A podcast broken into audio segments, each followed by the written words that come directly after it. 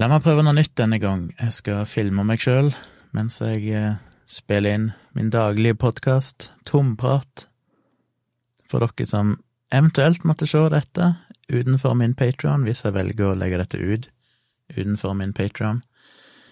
Så er dette altså en eh, daglig podkast som jeg har.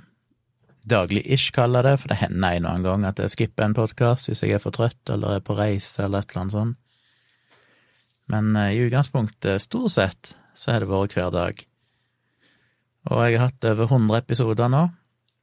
Jeg pleier å spille det inn eh, nattestid, det er det siste jeg gjør før jeg legger meg hver kveld. Eneste unntaket er vel søndagskvelder, for da kjører meg og min samboer Tone Sabro en eh, livestream som vi kaller for Samboerprat, her på patronen min og på patronen hennes, i en sånn samproduksjon.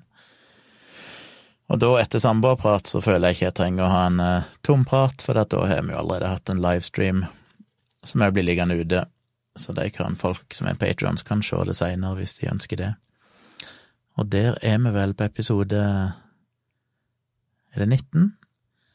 Så neste episode, som kommer nå på søndag, den uh, Hva er det i dag?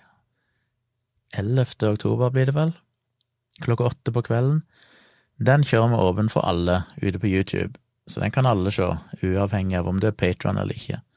Så cirka hver femte episode pleier vi å kjøre åpen for alle, men ellers så er de kun for patrions.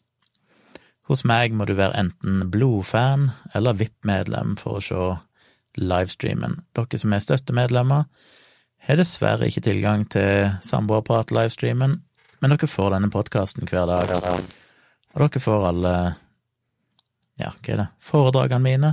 Det ligger tre foredrag per nå, kommer snart et fjerde, tror jeg. Muligens et femte òg, om ikke så veldig lenge. Og så får dere jo lydbøker av, eller lydbøker eller podkast, alt etter hvordan dere ser det, av begge bøkene mine, Placebo-defekten og Håndbok i krisemaksimering. Så det er mye gratis snacks der inne. Men det som er på en måte nytt hele tida, er jo denne podkasten Tomprat. Og hva er denne podkasten? Jeg snakker om litt av det som har skjedd hver dag, og så tar jeg opp forskjellige tema som eventuelt eh, har fenga meg i løpet av dagen eller den siste tida. Og så svarer jeg på spørsmål ifra lytterne mine patrons. Og det syns jeg er veldig, eh, veldig gøy. Eh, noen få som hører på, tror jeg. Jeg kunne jo selvfølgelig lagt denne podkasten ut offentlig, men jeg velger å gjøre den bare for mine patrons. Det føles litt mer low-key da. Og det blir jo ganske low-key når jeg skal gjøre det hver dag. Um, men kanskje jeg kommer til å slippe noen av de her videoene ute på YouTube, for å se. Har det skjedd noe nytt i dag, da? Jeg har ikke fått noen nye meldinger. Nå sitter jeg og ser på skjermen min her. Ingen nye meldinger i innboksen, så vidt jeg kan se. I dag så har det egentlig bare skjedd én eh, stor ting og det var at jeg vaksinerte meg igjen.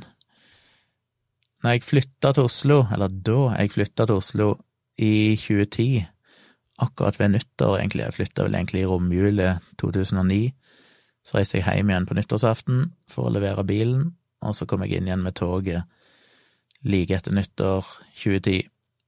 Og siden den gang så har jeg bodd i Oslo. Og ganske kort tid etter det, tror jeg kanskje var i 2011, så gikk jeg og fikk meg en Boostrix polio-vaksine. Og det var litt fordi jeg hadde begynt å skrive en del om vaksiner i, i, bloggen min, og følte derfor det var ekstra viktig at jeg i det minste passa på å ha tatt de vaksinene jeg skulle sjøl.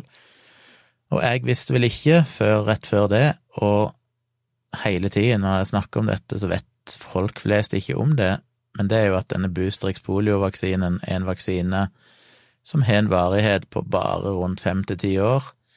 Eh, kanskje mer spesifikt kikostedelen av vaksinen, for det er en kvadruppelvaksine som dekker både kikoste, difteri, stivkrampe og polio. Litt usikker på hvor lenge den polioen varer, men iallfall kikostedelen er, har ganske kort varighet. Og hvorfor er han det? Vel, tilbake igjen tidligere, fram til en gang på nittitallet, så besto kikhostevaksinen av hele celler, altså hele bakterier, og eh, dermed var den veldig effektiv.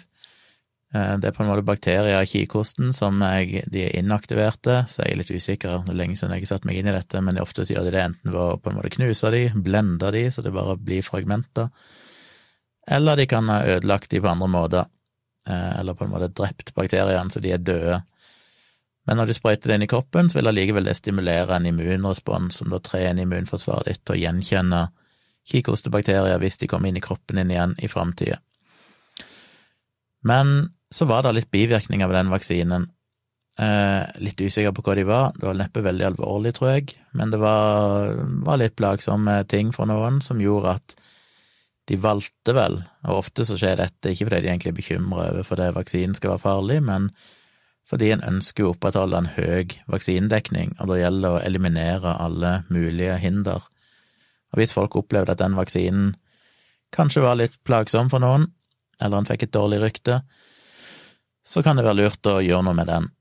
Så de endra vaksinen en gang eh, mot slutten av 90-tallet, hvis jeg husker rett, til det jeg tror de gjorde, var vel at de bare brukte noen overflateproteiner ifra de bakteriene, som på en måte er det som immunforsvaret vårt gjenkjenner, på en måte overflata av eh, bakteriene. Og det gjør at du fortsatt får en immunrespons, men den ser ut til å vare en del kortere, kanskje bare mellom fem og ti år, Eh, så det er på en måte en dårligere vaksine enn den vi hadde før, som er litt kjipt, for den vi hadde før, varte veldig lenge. Jeg husker ikke helt hvor lenge det var, men uh, muligens livsvarig. Men nå må du iallfall eh, Jeg tror ikke det var livsvarig, men den varte lenger. Nå må du iallfall uh, vaksinere deg relativt ofte. Fordelen var jo da at du fikk færre bivirkninger. Så det ble en skal du si, tryggere vaksine, men til gjengjeld mindre effektiv i det lange løp. Og kikhoste er jo en sykdom jeg tror få av oss vil ha. Det er, jeg har jo, når jeg blogger om dette, så har jeg fått kommentarer fra folk som har hatt kikhoste i voksen alder og sånn, og det er, nett, det er som regel ikke spesielt farlig for voksne. Det kan jo definitivt være dødelig for babyer, altså hvis babyer blir smitta av kikhoste før de har fått vaksinen sin, så kan det ofte være dødelig, og det er jo en grusom død, og kveles de basically i hæl, for de klarer ikke å puste. Og det er jo en av grunnene til at det er så viktig for oss voksne å vaksinere oss, for hvis vi er i nærheten av noen som har en baby, eller i nærheten av en baby, så kan jo vi risikere å smitte den babyen hvis vi sjøl ikke er vaksinert og bærer på bakterien. Og da kan vi egentlig ta livet av en baby, eller iallfall sørge for at babyen gjennomgår noe som er helt forferdelig. Men det er ille for voksne òg, de kaller det vel sånn, er det ikke på engelsk en sånn de kaller for hundred day cough? eh, fordi du gikk og hosta i 100 dager.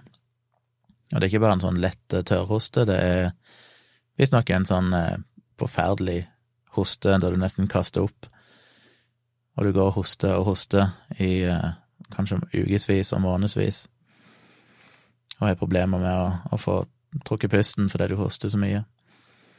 Så det er veldig, veldig ubehagelig, og noe jeg absolutt ikke har lyst til å ha, og heller ikke lyst til å gi det til noen andre. Problemet er jo det at den vaksinen varer kort, og folk flest ser ikke ut til å vite at de bør fornye den. Det står jo veldig tydelig inne på um, helsemyndighetene sine nettsider og på Folkehelseinstituttet sine nettsider og sånn, hvis du vet hvor du skal se hen. Men folk flest går ikke aktivt og søker opp dette når det, det du ikke vet, det vet du ikke at du skal prøve å finne ut av, så det burde Det forundrer meg at ikke det finnes en eller annen registerordning, en, en eh, Litt som en mammografiprogram for kvinner, der de blir kalt inn annethvert år, eh, så er det rart at ikke vi kan kalle inn folk for å få denne kvadruppelvaksinen for eksempel hvert tiende år. Eller i det minste kjøre noen kampanjer annethvert år eller noe sånt for å minne folk på det. Eller at fastlegen din i det minste har kontroll på når du sist tok den, og når du da har en legetime i løpet av det året, for eksempel, du burde fornye den, at legen din da sier at hei, du, skal ikke du fornye den vaksinen din? og informere om det. Men det ser ikke ut til å være noen ting, så folk flest vet ikke, og folk flest har ikke dermed gjort det. Men jeg tok jo den vaksinen da i 2010, eller 2011, um, og da hadde vi ikke jeg tatt den siden jeg fikk den, jeg vet ikke når jeg sist fikk den, du får den vel når du er ung, og hvis du er i militæret, så får du den vel òg. Jeg tok ikke militæret, men jeg var i siviltjeneste, det er mulig jeg ble vaksinert når jeg var på sesjon eller et eller annet sånt. Det husker jeg ikke. Så kanskje jeg fikk han sist da jeg var rundt 18 år gammel. 18-19 år gammel. Men øh, det vet jeg ikke. uansett så var det jo altfor lenge siden jeg hadde tatt den, så jeg tok den da. Og nå har jeg liksom visst igjen det var rundt 2010, så det er et lett tall å huske, så jeg visste at rundt 2020 så burde jeg ta den på nytt. Så jeg booka rett og slett en time hos legen min og sa at jeg bare ville ha den vaksinen. Og i tillegg så ba jeg om å få influensavaksinen, for den har jeg tatt hvert år de siste 15 årene eller noe sånt. Fordi jeg pleide å bli så vanvittig sjuk av influensa. Jeg ble liggende i ei god uke med oppkast og 40 i feber og smerter i hele kroppen, og i tillegg så har jeg eh, kronisk obstruktiv bronkitt, som betyr at hvis jeg får en luftveisinfeksjon, så blir lungene mine veldig, veldig tette, eh, omtrent som jeg har astma. Og det var sånn at jeg kunne, hvis jeg gikk opp ei trapp en etasje, så kunne jeg ende opp med å stå og hoste til jeg kasta opp, sånn som vi, altså, ikke bare følte som jeg skulle kaste opp, men at jeg faktisk kasta opp fordi jeg hosta så kraftig, og det satt i gjerne i én til to måneder. Så det var ikke noe gøy. Så begynte jeg å vaksinere meg for sånn rundt 15 år siden, og etter det har jeg ikke hatt eh, influensa. Som er veldig flaks, for det vaksinen er jo ikke 100 effektiv, den er jo i snitt 60-70% effektiv. Så selv om jeg er vaksinert, så er det jo rundt en tredjedels sjanse for at jeg kan få influensa hvert år.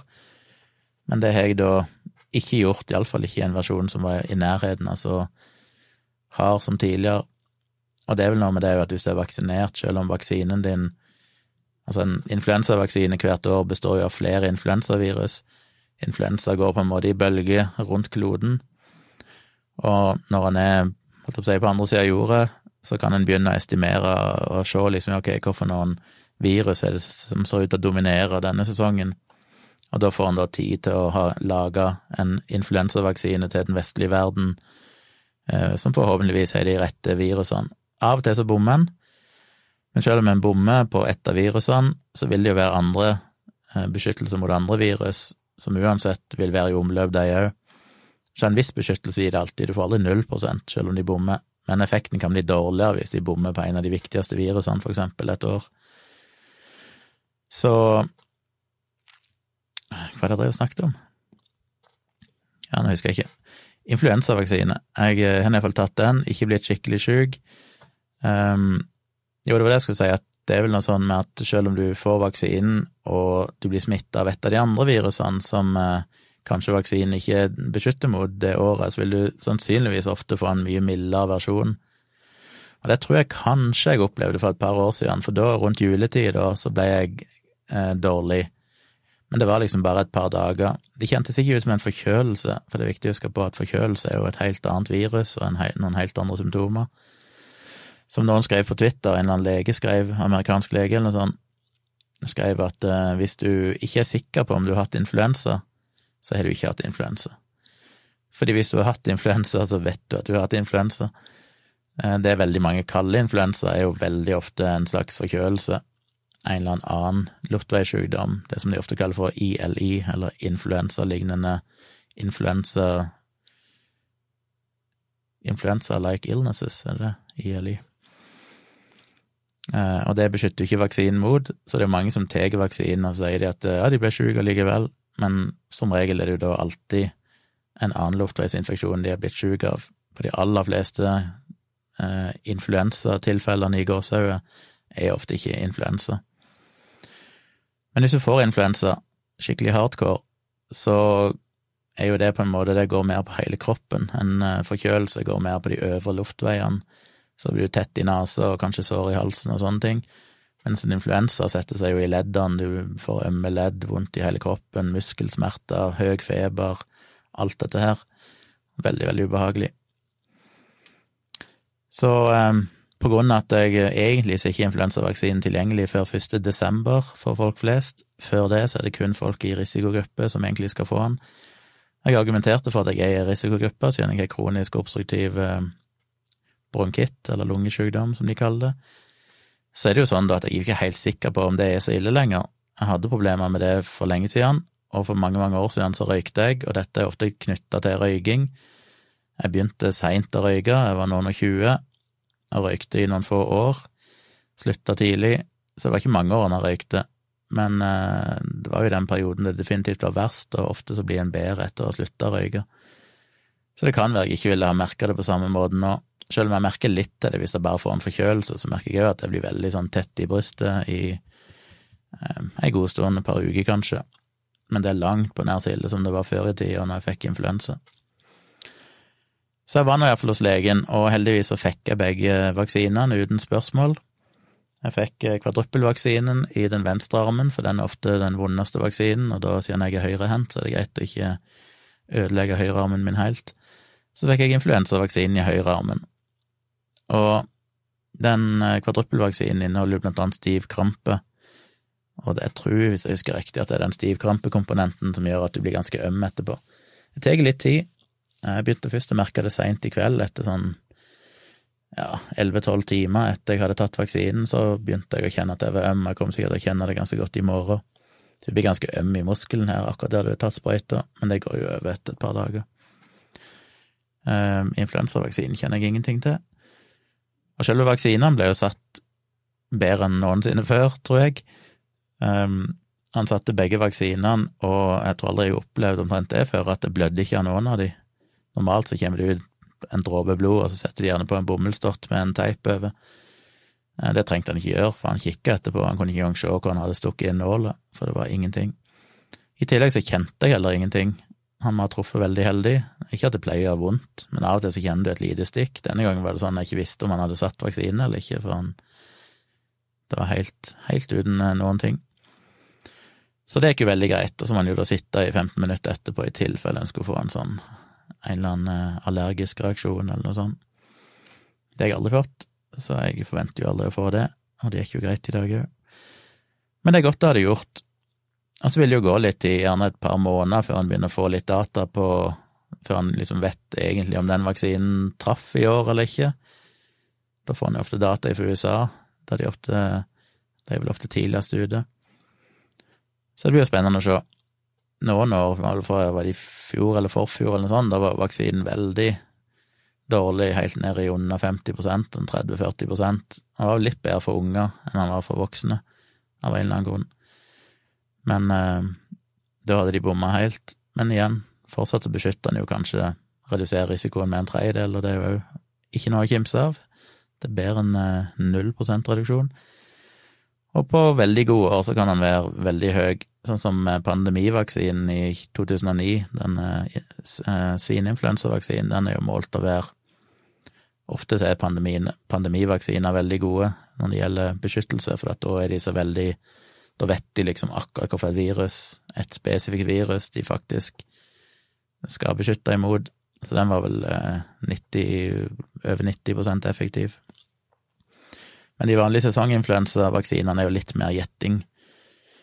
Kvalifisert gjetting, riktignok, men det er alltid en risiko for at de kan bomme på hvilke virusvarianter de skal beskytte imot, hvilke noen som er i omløp akkurat den sesongen. Og sesongen begynner jo i disse dager, men han piker jo i eh, midten av januar eller sånn, slutten av januar. Så det er jo en stund til det verste er der, så hvis du ikke er i risikogruppa, så er det jo bra å ta vaksinen etter 1. desember òg men da tidligst mulig, siden han bruker et par uker på å ha full effekt. Så du bør ikke vente for lenge ut i desember. Jeg gjentar meg sjøl litt i dag, jeg snakket om dette i gårsdagens podkast, men siden jeg filmer meg sjøl og har vært og tatt vaksine i dag, så følte jeg at det var greit nok å gjenta noen av hovedpunktene. Fordi jeg syns det er viktig informasjon, og jeg oppfordrer dere som hører på eller ser dette, til å eh, gå og booke en time hos fastlegen og få denne Boostrix poliovaksinen eller bare gå og spørre om kikhostevaksine, for da får du den alltid i den der eh, kvadruppelversjonen, så vidt jeg vet. Det finnes vel en trippelversjon òg, som er difteri, kikhoste og stivkrampe uten den polio. Det er vel det som egentlig er den Boostrix, men når de har med polio, så er det egentlig en kvadruppelvaksine istedenfor en trippelvaksine. Jeg tror det er den de alltid gir, hvis ikke det er spesielle grunner til å ikke gi den. Og selv om du eksempel nylig skulle ha fått en stivkrampevaksine av en eller annen grunn, så er det på ingen selvs måte farlig å få denne kvadruppelvaksinen på nytt. Og skulle du ikke huske om du har fått denne vaksinen i løpet av de siste ti årene, så er det heller ingen fare for å ta den på nytt. Det er ikke sånn at du kan få for mye av det. Eh, for folk flest, da, selvfølgelig. Med mindre du har en eller annen allergi eller et eller annet, men da vet du sannsynligvis om de fra før. Men for folk flest så er det bare å ta den så hvis du liksom ikke vet at du har tatt den, så er du sannsynligvis ikke tatt den på lang tid, og da er det anbefalt å gå og få den. Jeg betalte 350 kroner hos legen for å ta den Boostrix poliovaksinen, og så betalte jeg en 50-lapp for influensavaksinen. Nå kan du jo, hvis du bor et sted der de har sånn apotek, så kan du jo gå og få influensavaksinen på apoteket ganske ofte nå. Gå inn på nettsidene til ditt lokale apotek og se om du kan booke en time der. Som regel må du forhåndsbestille, og så får du en bekreftelse, og så kan du gå inn 24 timer seinere og, og, bare melde deg i skranka, og så får du vaksinen. Og da koster den jo et par-tre hundre kroner eller noe sånt, hvis jeg ikke husker feil. Det er litt dyrere å sette den i hos apoteket enn å få den hos fastlegen. Men hvis ikke du vil vente, så er jo det en mulighet. Og nå er jo ikke influensavaksinen en eh, vaksine som helsemyndighetene anbefaler til alle. Den er jo egentlig bare anbefalt til risikogrupper. Men eh, jeg mener at folk bør ta den, fordi eh, det vil jo redusere selvfølgelig både din egen risiko for å få influensa, og selv om influensa sjelden er farlig for eh, folk som er under 70-80 år, så er det veldig ubehagelig. Og du blir borte for jobb ei stund, og du risikerer å smitte resten av familien. Og... Så det er definitivt gode grunner for å ta vaksinen. Så er det jo selvfølgelig noen sjeldne tilfeller der vi har sett til og med unge mennesker dø av influensa.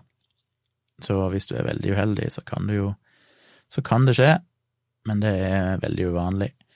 Er du derimot over 70-80 år, så begynner det å bli farlig, og det er jo stort sett de som dør av influensa. Det regnes vel med at det dør sånn rundt 900 000 personer i året av influensa, men det er jo da stort sett veldig gamle eh, mennesker.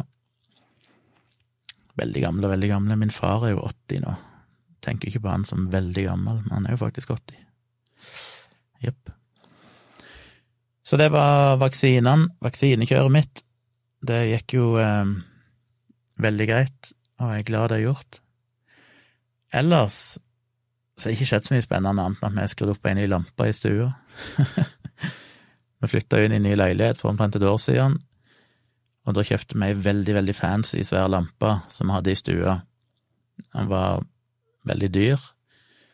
Eh, min samboer Tone er veldig glad i interiør og har god smak, må jeg si, og er veldig opptatt av å ha, ha en del flotte ting, som gjør at det ser veldig bra ut i stua. Får stort sett komplimenter av gjester som syns det ser veldig fint ut. Det hadde ikke skjedd hvis det var jeg som bestemte alene, for når jeg bor et sted, så flytter jeg stort sett bare inn, og så er det bare sånn som det er.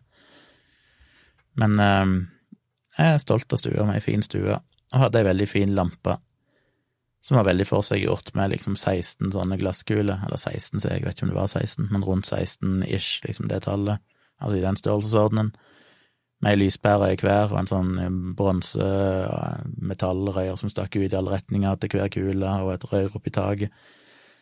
Så den var veldig, veldig kul, men tok veldig mye plass. Vi overvurderte nok takhøyden, så han ble egentlig hengende akkurat litt for lågt, og det var litt for lett å stange hodet i han når du reiser deg opp av sofaen og sånne ting. Og så var det òg ganske, ganske skarpt lys, og det var ikke noe De glasskulene var helt gjennomsiktige, så du så liksom rett på lyspærene. Så Tone fikk for seg plutselig at hun hadde lyst på ei ny lampe. Og gikk og, eller hun gikk og kjøpte ei, ganske spontant. Vi ble enige om ei som vi tenkte kanskje var kul. Og den er jo veldig annerledes. Det er sånn 70-80 centimeter kule, litt oval, som er dekka av fjær. Sånn er helt hvit, med bare hvite fjærer som står bustrete ut. Um, så er det lyspære i midten. Og den gir jo et veldig, veldig soft og fint lys, og henger ikke så langt ned. Vi hengte den så langt opp vi kunne, omtrent, under taket. Og jeg får jo lyst til å ta portrettbilder når jeg er den, for det er jo nesten som en sånn softbox som en bruker til å ta bilder, for det gir et veldig sånn mykt og behagelig lys. Så den gir dere både bedre plass og stanger ikke hodet i den, hvis du stanger hodet i den, så gjør det ingenting, for den er jo lett som en fjær, nesten bokstavelig talt, og eh, ikke så blendende i øynene. Så får vi se hva vi gjør av den gamle lampa, da. Den er jo bare et år gammel og var veldig dyr og fancy. Så om vi finner plass til den et annet sted, er vel kanskje litt tvilsomt, muligens soverommet, selv om man ser kanskje litt malplassert ut der, vil jeg tro, men jeg vet ikke, kanskje det funker. Eller så må vi prøve å selge den igjen, se om det er noen andre som vil kjøpe den. Så det var den andre begivenheten i dag. Ellers sendte jeg jo opp når jeg skrev, eh, skrev jo på Twitter om at jeg hadde vaksinert meg, og da er det jo selvfølgelig en eller annen eh, vaksinemotstander som plukker opp det og begynner å svare. Jeg skrudde jo på eh, for en tid tilbake, et år eller to siden. Jeg hadde jo en liten pause for sosiale medier. Ikke helt ifra Twitter, mest Facebook. Men jeg var mye mindre aktiv, og når jeg fant ut jeg skulle begynne å bruke det litt igjen, så skrudde jeg vel på det såkalte kvalitetsfilteret til Twitter.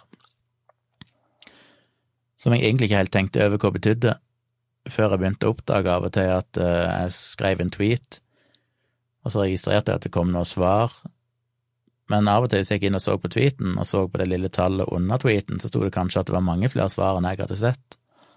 Og da oppdaga jeg plutselig at oi, Twitter driver jo og gjemmer en del av svarene for meg. Så hvis det er svar som kommer fra folk som Twitter vurderer som mindre seriøse, eller folk jeg ikke har interagert lite med tidligere, eller ikke har noe godt rykte på Twitter, så blir de på en måte skjult, med mindre du aktivt går inn og klikker at du vil se dem. Så denne vaksinemotstanderen hadde jo skjult seg der, men eh, så begynte jeg å lese nedover kommentartrådene under, og så så jeg plutselig det var sånn skjulte tweets, og så måtte jeg nysgjerrig klikke, og da dukka jo han opp, eller hun, av en anonym profil, så jeg vet ikke. Men det er fascinerende hvor mye feilinformasjon det går an å spy ut av seg. Eh, så det ble jo en, sånn, egentlig en sånn debatt jeg ikke burde gå inn i lenger. Og det ble en del tweets fram og tilbake, og han, han eller hun hadde jo absolutt ingenting å komme med.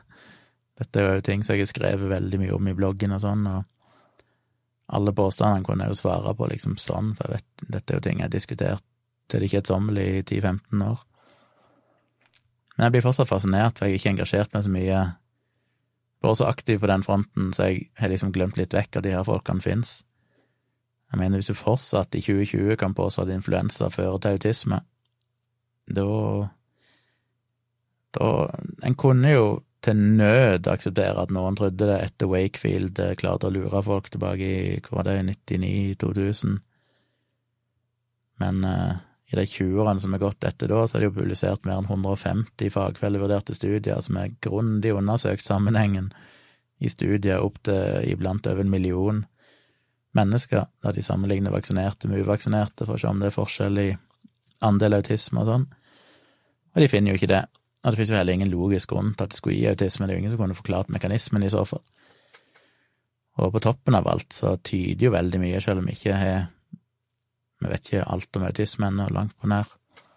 Men det er jo en del data som peker i retning av at autisme er ting som skjer i hjernen allerede på fosterstadiet. Og da er det jo rart at en vaksine For det er jo primært knyttet opp mot MMR-vaksinen, ikke influensavaksinen, så jeg, egentlig, jeg skjønner egentlig ikke hvorfor man begynte å blande inn influensavaksine og autisme, for det er jo heller ikke en kobling jeg egentlig har hørt før. Men MMR-vaksinen får jo barn når de er ja, hvor gamle er de? Rundt et år? Halvannet år? Noe sånt. Um, den første, så får de en til litt seinere. Så får de vel kanskje en tredje gang, gjør de det? I barneskolen en gang. Jeg husker ikke helt. Men de får den iallfall i det tidsrommet der du ofte begynner å oppdage symptomene på autisme hos barn. For du oppdager jo ikke det når de er babyer, som regel. De må utvikle seg litt før du begynner å oppdage at det er noe slags avvik. For eksempel at de når, når vanlige babyer eller småbarn begynner å feste blikket og liksom engasjere seg i folk og sånn, så gjør kanskje ikke autistiske unger det på samme måte. Og siden det ofte blir synlig omtrent på samme tid som de får kanskje andre dose eller sånt av MMR-vaksinen, så er det jo selvfølgelig noen da som har tenkt at det er en årsak, årsakssammenheng at det er vaksinen som fører til autisme. Men det er jo en klassisk logisk tankefeil. Det er jo den der post hoc ergo propter hoc-tankefeilen at uh, før det, derfor på grunn av det. Altså fordi noe har skjedd før noe annet, trenger jo ikke det bety at det som skjedde først, forårsaker det som skjedde etterpå. Det kan jo være en tilfeldig sammenheng, eller tilfeldig tidsmessig korrelasjon, som det jo i de aller fleste tilfeller er, og inkludert dette med vaksiner. Så jeg ble bare dypt fascinert eh, at han uh, faktisk klarte å spy ut av seg den påstanden i 2020. Og jeg blogga jo om det for noen år tilbake, så jeg sendte han jo den bloggposten, og så sendte jeg han òg en For i den bloggposten så gikk jeg gjennom påstanden og lista ut en sinnssyk mengde med studier som hadde sett på dette. Og nå nylig så kom en uh, annen uh, amerikansk eller engelsk, vet ikke hva han er for noe, blogger som kaller seg for Skeptical Raptor, som egentlig bare blogger om, ja, ikke bare, men nesten bare om vaksiner, og skriver veldig bra om det. Han skrev jo nå nettopp, bare for noen dager siden, en ny bloggpost. Han tok for seg en ny studie som nå gjorde at det var over 150 studier som hadde undersøkt om det var en sammenheng mellom vaksine og autisme, og igjen fant ikke noe sammenheng. Så jeg sendte den til han òg. Det er vel ingen fare for at han leste den, men eh, det er jo mest for publikum en har sånne debatter. At andre folk som følger debatten, kanskje leser det og, og kan dele det videre hvis jeg havner i samme diskusjon seinere. Så det var litt sånn eh, nostalgisk nesten å være i en vaksinediskusjon. Det har jeg ikke vært eh, på, på en stund. Jeg har ikke orka å engasjere meg i det.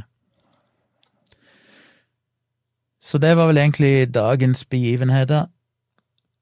Um, I morgen skal jeg treffe ei til en kaffe som uh, Ei som jeg bare snakka litt med på nettet, men som virker hyggelig.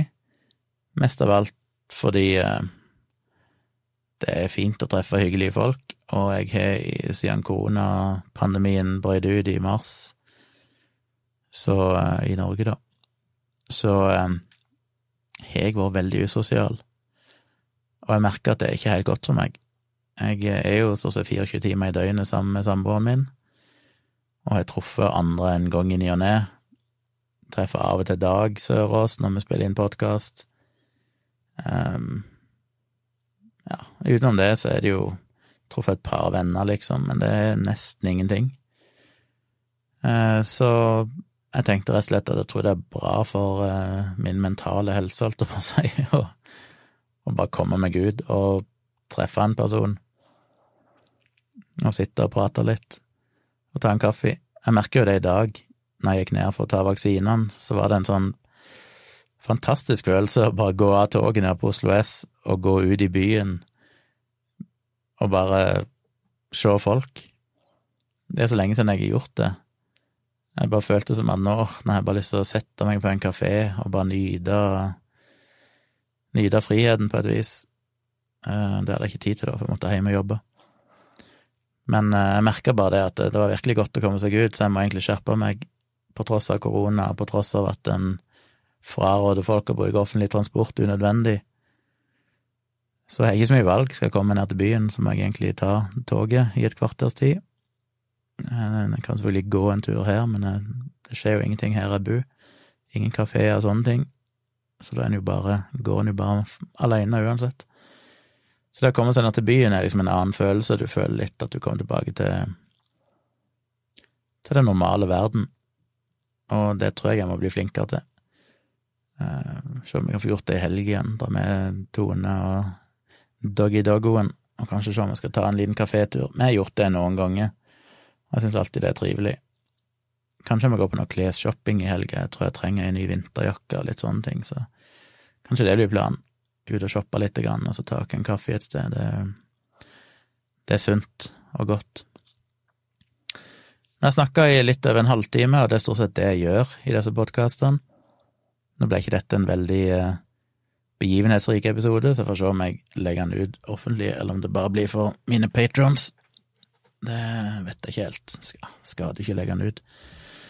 Men eh, hvis dere har spørsmål om vaksiner eller noe sånt, eller andre ting som dere vet jeg engasjerer meg i, så er det bare å fyre løs, enten via mail eller Twitter eller Facebook eller noe sånt, eller hvis dere er på min Patron allerede, så eh, kan dere jo sende meg en melding i innboksen eller skrive en kommentar under denne podkasten. Og er dere ikke Patrion og ser dette, hvis jeg, kom, hvis jeg legger det ut for dere òg, så eh, bli en patron. Da får dere mye inne på patronen min. Det hjelper meg å kunne drive med mer av det jeg syns er gøy. Klarer jeg å doble antall patrons, så vil jeg faktisk kunne begynne å gjøre dette som en uh, liten virksomhet der jeg faktisk kan begynne å vie litt tid til å produsere videoer og skrive litt mer igjen, som jeg ikke har hatt veldig mye tid til de siste par årene, på grunn av at, at min dayjob krever for mye. Og jeg har litt lyst til å kunne bruke mer tid på dette her. Så hvis eh, dere støtter opp om kritisk tenking og syns det er viktig med vitenskapsformidling, og syns at det jeg gjør er interessant, så kan dere støtte meg inne på Patrion med en eh, 50-lapp i måneden for å bli støttemedlem som minimum. En hundrelapp cirka, altså ti dollar, euro eller pund, hvis dere vil òg få tilgang til samboerprat en gang i uka. Og går dere på det øverste nivået, som er en 200-lapp, så får dere òg ei signert bok av meg med en personlig hilsen. Så det er liksom eh, det dere får. Og det går jo an å bare støtte meg for å støtte meg, uavhengig av hva dere får. Eh, så dere må jo selvfølgelig ikke, selv om dere ikke er interessert i samboerprat, men føler jeg fortjener en hundrelapp i måneden, så kan dere jo bli blodfan, som det heter. Og det hjelper meg veldig, og det setter jeg veldig, veldig pris på. Det er kleint å tigge etter støtte, men eh, sånn er det. Det er ikke noe penger i det en driver med. Hadde jeg vært rosablogger, så kunne jeg jo markedsført alt mulig slags bullshit uten skrupler og bare tenkt penger. Eh, annonsert og sånne ting. Det har jeg aldri likt. Jeg vil ikke annonsere, jeg vil ikke drive og markedsføre ting jeg ikke kan stå inne for. Så eh, da må jeg liksom stole på at det er noen som eh, ønsker å støtte meg i arbeidet og syns at det her er viktig nok til at dere vil det. Og dere som er patrons, gjør jo det, og det setter jeg jo uendelig stor pris på, men men kanskje det finnes flere der ute som ønsker å få del i både de godene som finnes inne på Patron, denne daglige podkasten, og ikke minst eh, ja, støtte meg i det arbeidet jeg gjør, gjør det mulig for meg å drive og bekjempe myter og vaksinemotstand og alt dette her tullet. Um, hvis dere blir Patron, så kan dere høre dette som podkast, i tillegg til video. Hvis dere ikke er Patron, så får dere dette kun som video. Men eh, det kan være greit å ha det som podkast. Ikke alle som ønsker å sitte og se på skjermen når de hører dette. Det å bare kunne gå med det på øret, eller høre det på vei til jobb, eller mens dere trener eller vasker huset, er jo veldig greit. Så for å få dette i podkastversjonen, så må dere altså bli Patron. Så jeg håper jeg ser noen nye folk inne på min Patron i eh, dagene som kommer. Så kommer jeg til å legge ut noen videoer etter hvert, satser jeg på. Det får vi se. Dette er som alt inne på Patron, så er det litt eksperimentelt. Å finne ut hva jeg har tid til, hva som funker, hva folk vil ha og sånne ting. Men eh, tid vil vise. Ok, da logger jeg av. Grunnen til at jeg sitter oppe så seint i natt, klokka over tre, er at jeg ruller ut en oppdatering til Jeg jobber jo som programmerer, og eh, den oppdateringen skal gjøre en jobb klokka tre i natt. Så nå måtte jeg sitte oppe og vente som alt gikk i orden før jeg kan legge meg. Så nå er jeg veldig spent å se hva som har skjedd når jeg nå logger av, for å se om den oppdateringa har gått greit. Hvis ikke, så kan jeg risikere å bli sittende og jobbe her fram til morgenkvisten. Det håper jeg jeg slipper. Men eh, ja. Takk for at dere hørte på, takk for at dere så på. Og så hvis dere er på Patrion, så høres vi iallfall igjen i morgen. Hvis ikke, så ses vi i neste video når enn det blir. Takk for meg, og god natt.